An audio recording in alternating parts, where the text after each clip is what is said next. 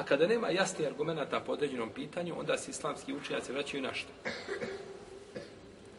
Na opće argumente i na ciljeve šarijata. Na opće argumente i na ciljeve šarijata se vraćaju ovaj, ako nema jasnog argumenta. I tamo gdje nema jasnog argumenta, ili gdje argumente nisu potpuno vjerodostojni, nije dozvoljeno čovjeku da bude grub prilikom osuđivanja drugog mišljenja. Grubo se osuđivaju druga mišljenja i nazivaju se novotarijama samo onda kad nema nikakvog dokaza i odudara od, od, od ciljeva šerijata i slično tome i ulema to suda, tada se kaže to je novotarija. U protivnom, ako dođe do razilaženja u mišljenju gdje nema jasnih argumenata ili nema potpuno vjerodostojnih argumenata, tada je osuđivanje znači bit će znači, sa edebom, sa etikom islama i nije osuđivanje, nego to je onda više dijalog i rasprava. Pa nije isto ovaj da čovjek spusti ruke na sečdi, ovako na, na tla, tle, jel tako, tlo da spusti ruke, i da čovjek veže ruke ispod pupka.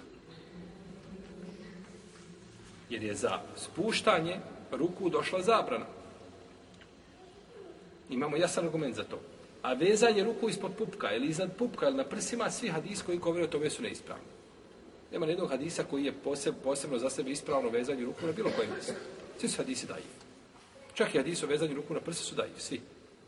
Ali bi se mogli pojačati zato što je došlo više, a hadis kod Ahmeda ima kod imama Huzeime i drugi, pa bi se mogli pojačati. A definitivno kao hadisi pojedinačno svi su dalje. Nema, ima kod muslima u sahihu da je poslanik sam vezao desnu po lijevoju na namazu. Gdje? Nije spomenuto. S, to, tim hadisom ne može dokazati, može samo dokazati, možemo dokazati s tim hadisom da je neispravno ovaj, ono što rade neki malikijski učenjaci da je ne vežu Jer je došlo da je vezao. Da je poslanik sam vezao. A mjesto precizno vezanja, hadisi koji govore o tome slabi.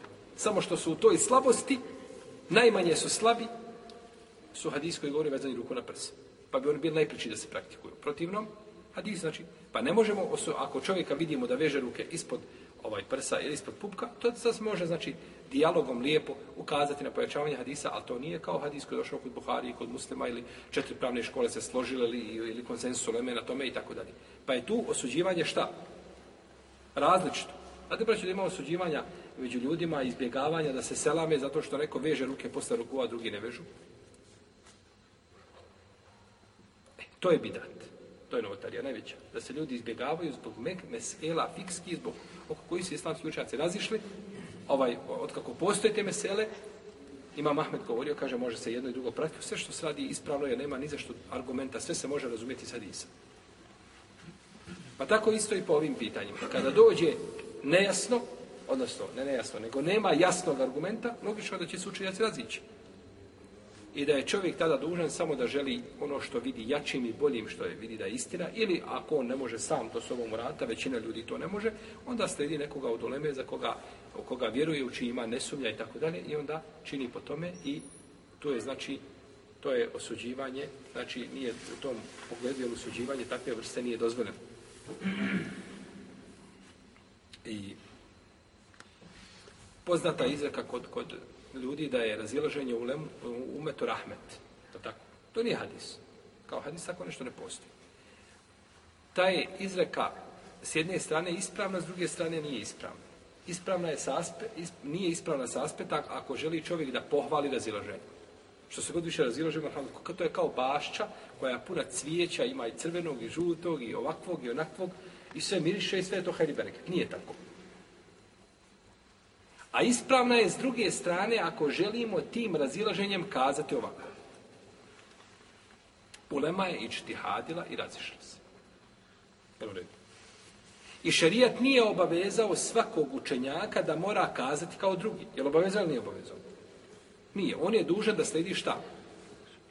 Svoj ičtihad, svoje mišljenje. Da je učenjak veliki kao Ebu Buhanife, kao Mali, kao Šafija, ima slični. On je dužan da slijedi svoj ičtihad. Pa nije imam Šafija bio dužan, dužan da slijedi ono što kaže Ebu A i Hanife nije bio dužan, dužan da slijedi ono što kaže Alkame. Nego on je dužan da slijedi ono što smatra ispravnim i jačim i da to slijedi. Pa su se učenjaci razišli. U kom kontekstu je to razilaženje milosti? Milost u tom kontekstu da nismo bili zaduženi da svi moramo šta? Odabrati jedno mišljenje, jer se ne bi mogli složiti, ljudi se razlikuju, pa ponekad ja bi bio prisiljen da prihvatim mišljenje nekoga, a ne slažem se šta, tim mišljenjem. I ponekad je braća neko dao olakšicu za određenu stvar. I dođe čovjek i pita toga učenjaka. A, po tom pitanju, on kaže tako i tako i daj mu šta? Olakšicu. Ima li ovaj grije što je pitao obično? Nema, on je došao da pita učenjaka u koga vjeruje, učinio je znanje i vjeru vjeruje, pitao ga, on da olaš i uradio, nema grijeha nikako. A on mu šta? Olakšao. Možda nije u pravu, ali je šta? Nagrađen. Jer u pravilu je u šerijetu, braću da je svaki mučtehid nije pogodio. Da kaže kullu mučtehidin musib. Svaki mučtehid je pogodio. Nije tako. Ispravno je kazati kullu mučtehidin međur. Svaki mučtehid je nagrađen. A razlika između dvije šta? Može li da promaše da bude nagrađen? Pa to je to. Ali ne može biti da je pogodio. Onda ako kažemo da je pogodio, šta smo kazali? Da? Da imaju dvije istine. Ne, ne. Da imaju dvije istine. Jer ako je on pogodio i drugi kazao su, jedan kaže vađib, a drugi kaže haram. Kažemo, dvojica u pravu. Tako. Znači, svakome, svakome udovoljeno. Znači, ne može biti udovoljeno, mora biti, znači, istina je jedna. Istina je jedna.